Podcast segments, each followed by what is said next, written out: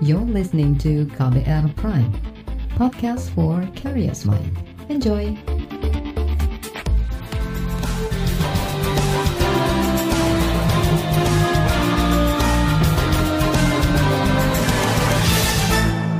Halo saudara, senang sekali kami bisa menyapa Anda kembali dalam program KBR Sore, edisi Senin 18 Januari 2021. Saya Agus Lukman akan menemani Anda selama kurang lebih 30 menit ke depan. Sore ini kita membahas banjir yang terjadi di Kalimantan Selatan. Banjir sejak Jumat pekan lalu merendam lebih dari 24 ribu rumah di 10 kabupaten kota di wilayah tersebut. Akibatnya hampir 40 ribu warga mengungsi dan 15 orang meninggal. Apa yang menyebabkan banjir di Kalimantan Selatan? Apakah ini karena faktor alih fungsi lahan hutan di sana? Saudara Presiden Joko Widodo hari ini terbang ke Kalimantan Selatan untuk memantau penanganan bencana banjir di wilayah tersebut. Presiden berangkat dari Pangkalan TNI Angkatan Udara Halim Perdana Kusuma menuju Pangkalan TNI Angkatan Udara Samsudin Nur di kota Banjarbaru. Jokowi berangkat bersama Menteri Pekerjaan Umum dan Perumahan Rakyat Basuki Hadi Mulyono bersama Kepala Badan Nasional Penanggulangan Bencana BNPB Doni Monardo. Di sana Presiden meninjau lokasi terdampak banjir di Kelurahan Pekauman, Kecamatan Martapura Timur, Kabupaten Banjar. Hujan deras mengakibatkan peninjauan titik banjir menggunakan perahu karet milik marinir terpaksa dibatalkan. Di lokasi ini, Kepala Negara menyaksikan kondisi lokasi yang hingga kini masih terjebak banjir. Gubernur Kalimantan Selatan Sabirin Nur dan Bupati Banjar Khalilur Rahman turut serta dalam peninjauan lokasi bencana.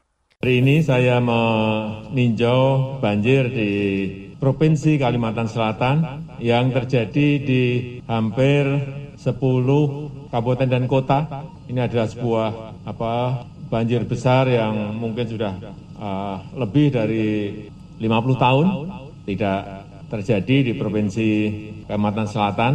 Curah hujan yang uh, sangat tinggi, uh, hampir 10 hari berturut-turut, sehingga daya tampung Sungai Barito yang biasanya menampung 200 230 juta meter kubik sekarang ini masuk air sebesar 2,1 miliar kubik air sehingga memang meluap di 10 kabupaten dan kota.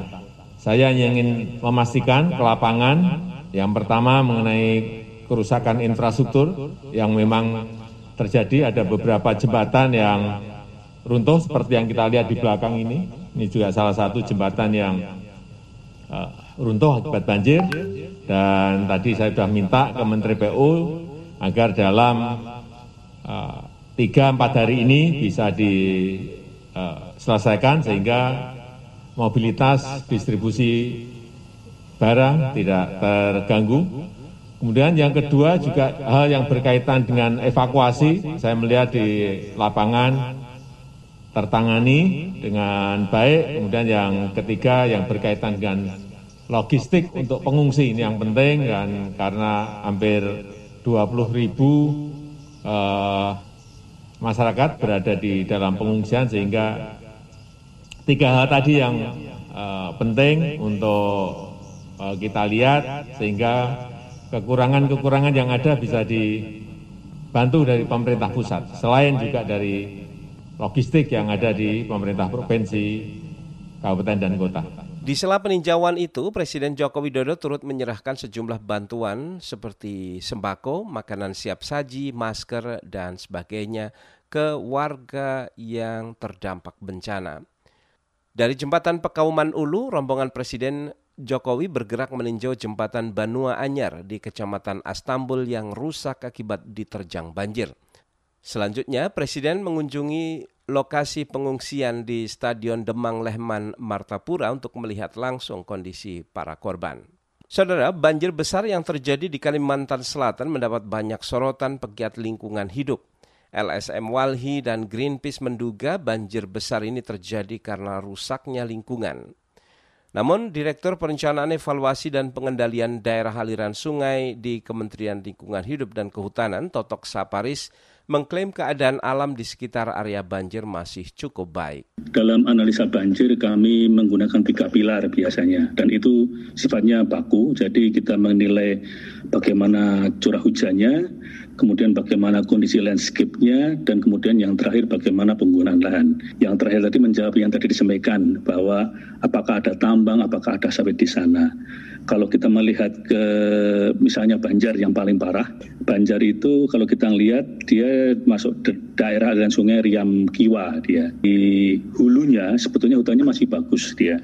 Cuman karena landscape-nya, jadi landscape-nya dia berbukitan di atas kemudian turun ke bawah langsung ke daerah dataran. Nah, daerah uh, dataran itu sebetulnya cenderung rendah tingkat drainasenya. Jika hujan berlebih, baik yang jatuh di atas daerah tersebut maupun dari suplai dari hulunya itu masuk ke sana semua. Dan drainasenya jadi nggak begitu bagus nggak begitu lancar karena aspek uh, reliefnya tambang itu kan salah satu bagian dari upaya pemanfaatan sumber daya alam sebetulnya. Dan di dalam eh, menilai pengaruh tambang, memang tambang pasti merubah landscape, pasti ya. Tapi sebetulnya KLHK sudah membuat rambu-rambu yang amat sangat ketat sejak pemberian izin, terus kemudian mereka dikenai kewajiban, kewajiban termasuk upaya reklamasi maupun rehabilitasinya. Nah ini yang harus kita kontrol, harus kita perhatikan betul secara utuh begitu. Sehingga kita juga tahu apakah tambang berpengaruh. Dan yang jelas lagi harus kita perhatikan adalah bagaimana posisi relatif relatif tambang dalam konteks landscape. Apakah dia di bagian hulu banget, ataukah bagian tengah atau bagian hilir. Terus kemudian di dalam dia masuk di dalam catchment area titik banjir atau tidak. Itu harus kita lihat. Jadi kita harus melihat secara utuh dalam hal ini. Pejabat Kementerian Lingkungan Hidup dan Kehutanan Totok Saparis menyatakan banjir yang terjadi tidak serta-merta disebabkan adanya penambangan ataupun kerusakan hutan. Uh, dari konteks banjir dia sebetulnya malah tidak karena dia punya fungsi retensi.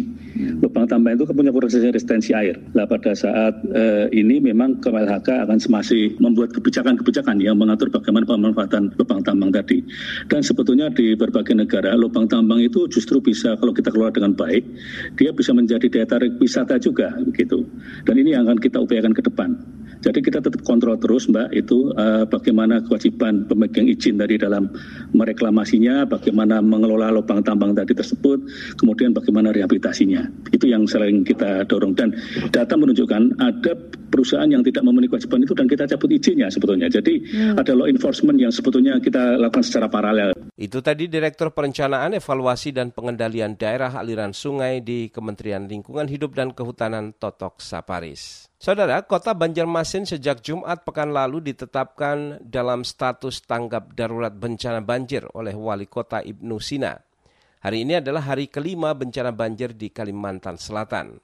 Pemerintah provinsi menempatkan para pengungsi korban banjir di Terminal Kilometer 6. Kepala UPT Terminal Kilometer 6 Dinas Perhubungan Rusma Hazarin mengatakan ada sekitar 180-an warga mengungsi di terminal tersebut ada seratusan kios kosong dan dijadikan tempat mengungsi, dan dapur umum juga sudah dibuat untuk memenuhi kebutuhan konsumsi makan para pengungsi. Sementara para pengungsi juga ditampung di sejumlah gedung sekolah. Kepala Dinas Pendidikan Kota Banjarmasin Toto Agus Daryanto mengatakan sekolah yang dibuka untuk menampung korban banjir di antaranya SD Sungai Luhut 5, SD Negeri Kelayan Tengah, SD Pemurus Baru, SD Negeri Sungai Bilu, dan SMP Negeri 20 Banjarmasin. Sebagian besar guru juga mengungsi ke sekolah karena rumah mereka terendam banjir. Pada bagian berikutnya, saudara kami akan hadirkan laporan khas KBR mengenai kisah korban dan relawan banjir di Kalimantan Selatan. Simak laporannya usai jeda berikut tetaplah di KBR sore. You're listening to KBR Pride, podcast for curious mind. Enjoy!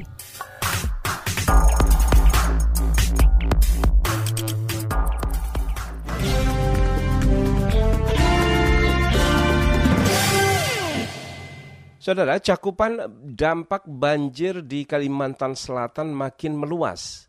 Warga di daerah kota yang selama ini tidak pernah terjamah air bah pun ikut mengungsi. Apalagi bagi korban yang terisolasi di wilayah paling terdampak, proses evakuasi dan pengiriman bantuannya juga terkendala akses jalan. Berikut kisah para korban dan relawan yang dirangkum tim KBR. Laporannya disampaikan Astri Yuwanasari. Sudah empat hari ini Olivia dan keluarga mengungsi ke hotel. Ini lantaran banjir menggenangi rumahnya di kota Banjarmasin, Kalimantan Selatan, usai hujan lebat mengguyur Rabu pekan lalu. Bencana banjir ini merupakan yang pertama dialami keluarga Olivia sejak puluhan tahun lalu. Rumah udah umurnya 40 tahun. Um, saya udah tinggal di sana itu umur saya sekarang udah 31 tahun ya. Jadi selama saya tinggal di sana nggak pernah ada banjir kayak gini, Mbak. Rumah nggak pernah kebanjiran sama sekali. Rumah Olivia yang berada di daerah kilometer tiga setengah hingga kini masih tergenang air setinggi lutut. Iya, dari tanggal 14 itu, 4 hari udah, sampai sekarang, nggak ada surut. Yang pertamanya airnya masih bening, dan sekarang airnya udah nggak kelihatan, Mbak kita tuh sampai beli ini loh mbak sepatu boots. Kemarin masih bisa dipakai. Dari tanggal 16 17 masih bisa dipakai. Hari ini katanya airnya udah masuk ke dalam sepatu bootsnya. Gimana coba tuh? Iya hampir selutut ya karena posisi sepatu boots kan hampir selutut ya. Udah segitu posisi airnya. Akses jalan di wilayah kota masih lancar karena tidak terdampak banjir. Beda halnya dengan daerah di sekitar hulu sungai. Kalau untuk di Banjarmasin sih aman akses jalan nggak ada yang terputus, alhamdulillah. Tapi untuk di kayak hulu sungai gitu ya, daerah hulu sungai selatan kalau nggak salah kemarin pokoknya ada di daerah di luar kota dari Banjarmasin itu ada yang putus, ada jembatan yang putus gitu kan. Terus juga ada yang longsor kemarin. Sebenarnya di sana yang paling parah di Banjarmasin ini cuma genangan air aja, ya tapi genangan airnya bikin rusak ini kan alat-alat di rumah Sulitnya akses ke wilayah terdampak parah dirasakan para relawan yang ingin memberi pertolongan. Fitri, salah seorang relawan menyebut proses evakuasi korban terkendala jalan yang tertutup banjir. Yang perlu dibantu itu kayaknya perbaikan akses, sarana prasarana. Kita kekurangan banget perahu karet. Ada sih kayak perahu-perahu kecil gitu ya, tapi ya perahu kecil itu kan paling cuma muat berapa gitu loh. Jadi kurang efektif, kurang efisien. Kita kesulitan evakuasi karena emang ada daerah-daerah yang banjirnya tuh super parah banget kayak di daerah Barabai itu sampai sampai kelelep rumah pokoknya udah orang nggak bisa lagi berdiri itu udah kelelep air terus daerah Hantakan itu daerah-daerah yang agak jauh ya dari jangkauan kami ya. Sejak banjir melanda Rabu pekan lalu, Fitri bolak-balik mengantar bantuan sembako ke berbagai titik pengungsian. Proses distribusi pun terhambat banjir yang tak kunjung surut. Ini udah hari ke-6. Alhamdulillah hari ini tadi kami pagi sudah ke daerah Karangintan untuk menyerahkan bantuan logistik, sembako, bahan makanan, obat-obatan. Tapi fokus kita ke daerah-daerah yang susah dijangkau. Fitri menyayangkan lambannya respon pemerintah dalam menangani banjir di 10 daerah di Kalsel. Bencana ini sudah merenggut belasan jiwa dan memaksa ratusan ribu orang mengungsi. Pemerintah tuh kayak ada sih mungkin ya yang dilakukan pemerintah tapi kok kayak berasa lambat banget gitu kayak kurang cepat tanggap. Padahal ini kan situasinya udah udah tanggap darurat nih. Harusnya ya berbuat lebih lebih cepat gitu lebih banyak juga. Bahkan pemerintah pusat hari ini dari terhitung tanggal 13 kemarin hari ini baru datang. Ya semoga aja besok cepat ditangani tapi parah sih lambat sih. Setiawan, relawan lain, menyebut bantuan sembako dan kebutuhan anak sudah disalurkan ke sejumlah posko, misalnya di wilayah Kabupaten Banjar ada daerah rendaman itu seperti di mana keluar dari rendaman ada posko-posko selalu ada. Pengungsi dalam posko itu ada pengungsi, di dalam posko itu juga ada dapur umum. Seperti itu kondisinya. Kita lengkap dari sembako, uh, sembako itu mulai dari apa? Nah, beras, dari minyak, dari mie, dari lauk itu sarden, apa minyak goreng juga ada. Terus dari obat-obatan kita juga udah prepare. Dari peralatan yang untuk anak-anak sama bayi ini juga kita mulai mulai detailkan situ dari popok, pempes, uh, baju anak seperti itu. Namun saat ini pengungsi mulai kekurangan air bersih ada kesulitan untuk air bersih walaupun uh, jumlahnya untuk stok kita itu juga tadi. Cuman untuk ke lapangannya selalu uh, kekurangan. Karena uh, kalau di di Banjar atau Kalimantan sendiri kan tropis ya kondisinya kan panas. Jadi kondisi air sendiri uh, kondisi air mineral kita dari stok itu sudah menipis sudah hampir dikatakan ya kita cuma cukup untuk satu hari dua hari kita cari lagi seperti itu. Kata dia relawan kini mulai bergerak menyiapkan penanganan pasca banjir. Misalnya untuk mengantisipasi merebaknya penyakit di pengungsian. Kalau yang mau kita prepare yang lebih detail lagi untuk ke depannya mungkin di sektor obat-obatan seperti itu yang lebih lebih sangat diperlukan. Jadi bantu asal untuk anak-anak sudah mulai ada gejala-gejala itu yang kita alami di lapangan. Terus nanti dari untuk dinas kesehatan dia akan memberikan posko bersama di setiap kecamatan itu ada memang tim kesehatannya. Demikian laporan tim KBR, saya Astri Yuwanasari. Di bagian berikutnya, saudara kita akan coba dalami apa saja yang dilakukan Badan Nasional Penanggulangan Bencana BNPB dalam menangani banjir di Kalimantan Selatan. Tetaplah di KBR sore. You're listening to KBR Pride, podcast for curious mind. Enjoy!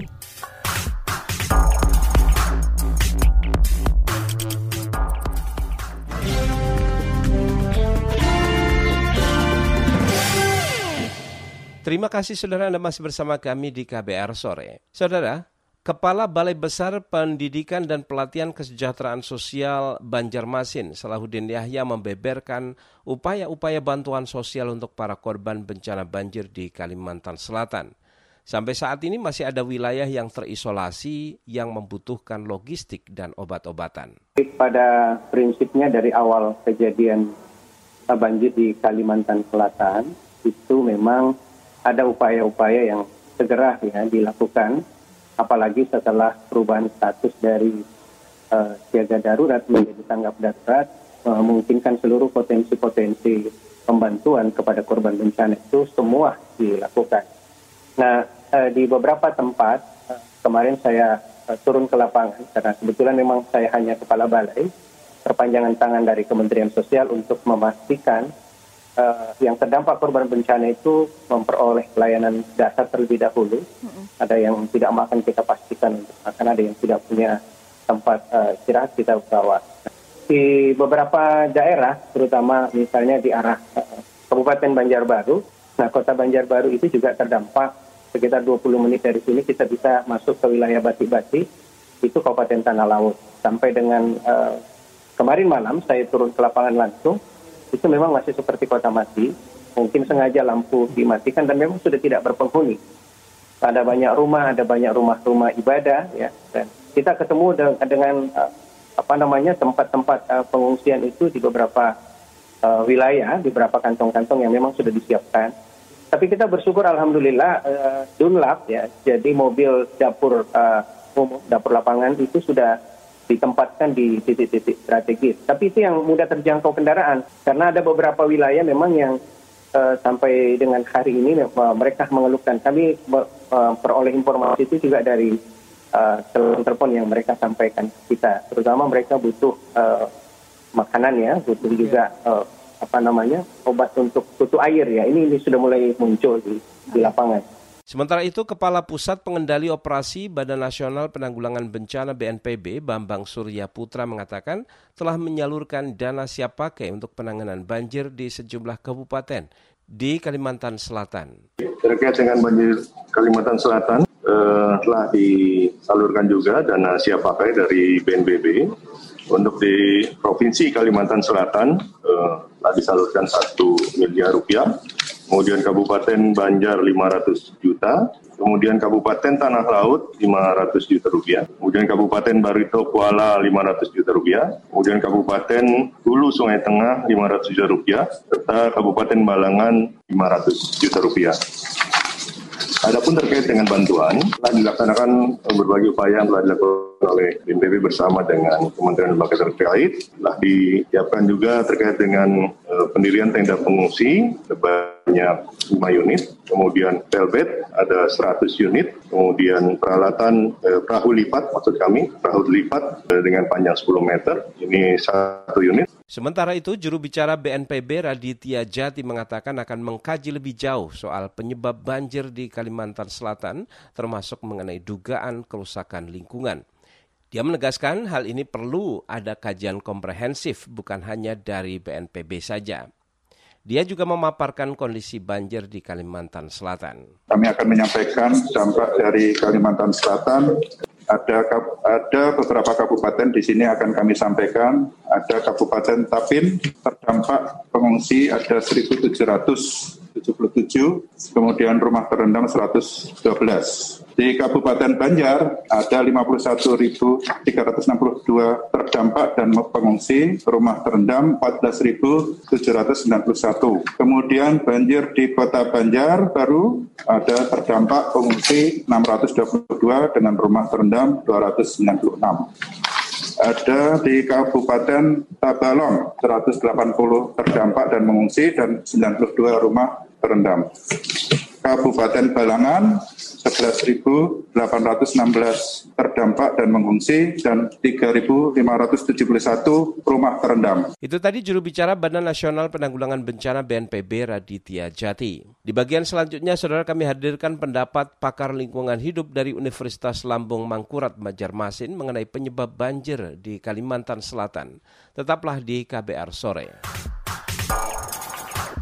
You're listening to KBR Pride, podcast for curious mind. Enjoy!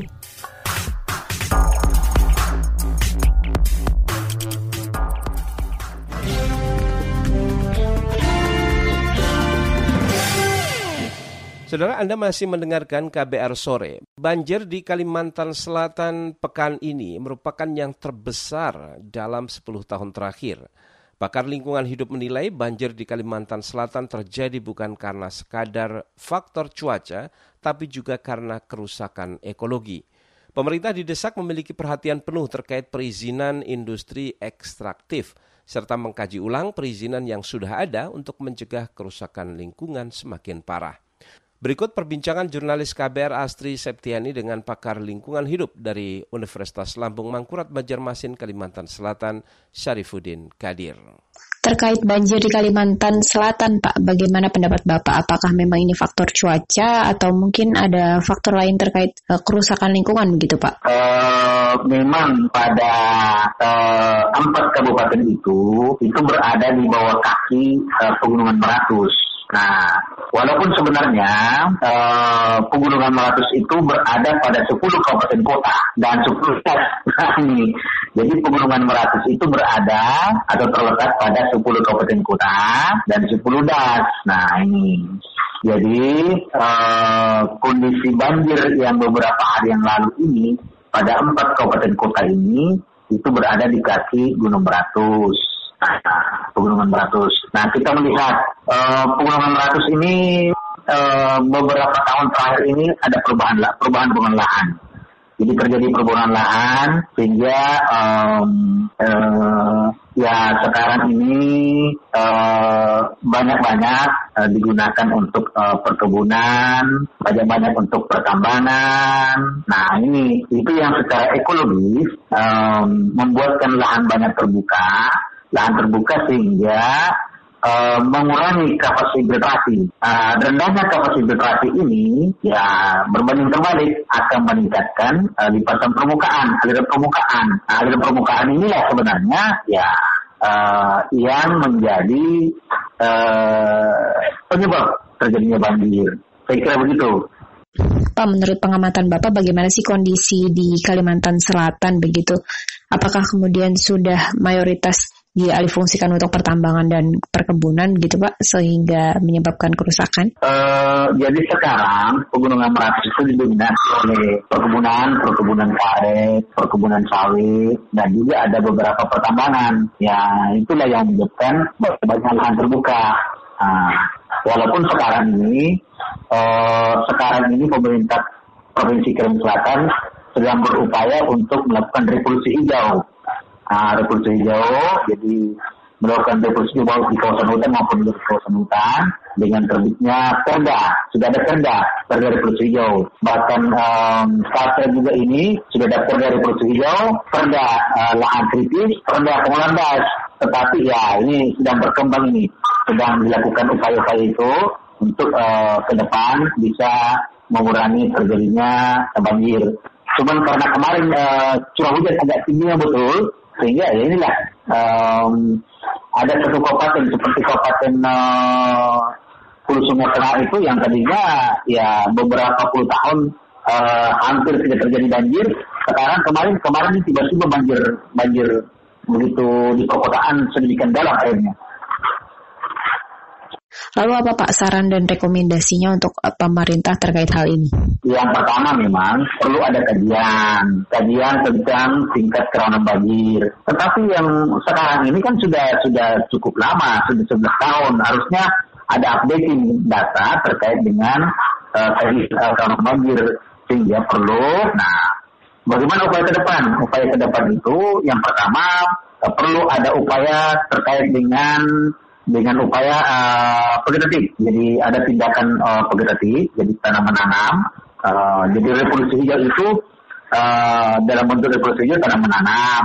Nah, juga perlu ada sipil teknis, sipil teknis. Jadi um, ada pembentukan waduk, pembentukan embung. Nah ini yang perlu itu. Jadi uh, upaya ke depan uh, revolusi hijau atau rehabilitasi atau rehabilitasi ya dalam bentuk vegetatif dan uh, sipil teknis sehingga termasuk uh, izin-izin izin-izin pertambangan, izin-izin penggunaan lahan ya perlu menjadi betul-betul uh, apa uh, perhatian kita semua.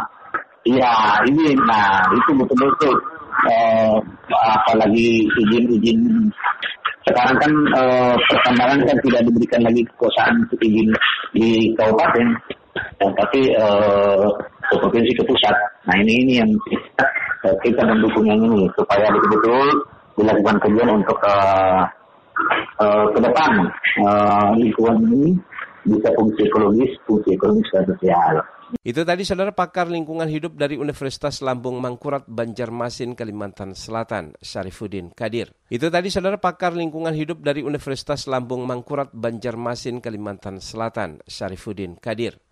Perbincangan tadi mengakhiri jumpa kita di program KBR Sore edisi Senin 18 Januari 2021. Pantau selalu informasi terbaru melalui situs kbr.id, Twitter kami di akun @beritaKBR serta podcast di alamat kbrprime.id. Jangan lupa untuk terus mematuhi protokol kesehatan dengan 3M, memakai masker, menjaga jarak, dan mencuci tangan secara rutin dengan sabun. Saya Agus Lukman bersama tim yang bertugas kami undur diri. Salam.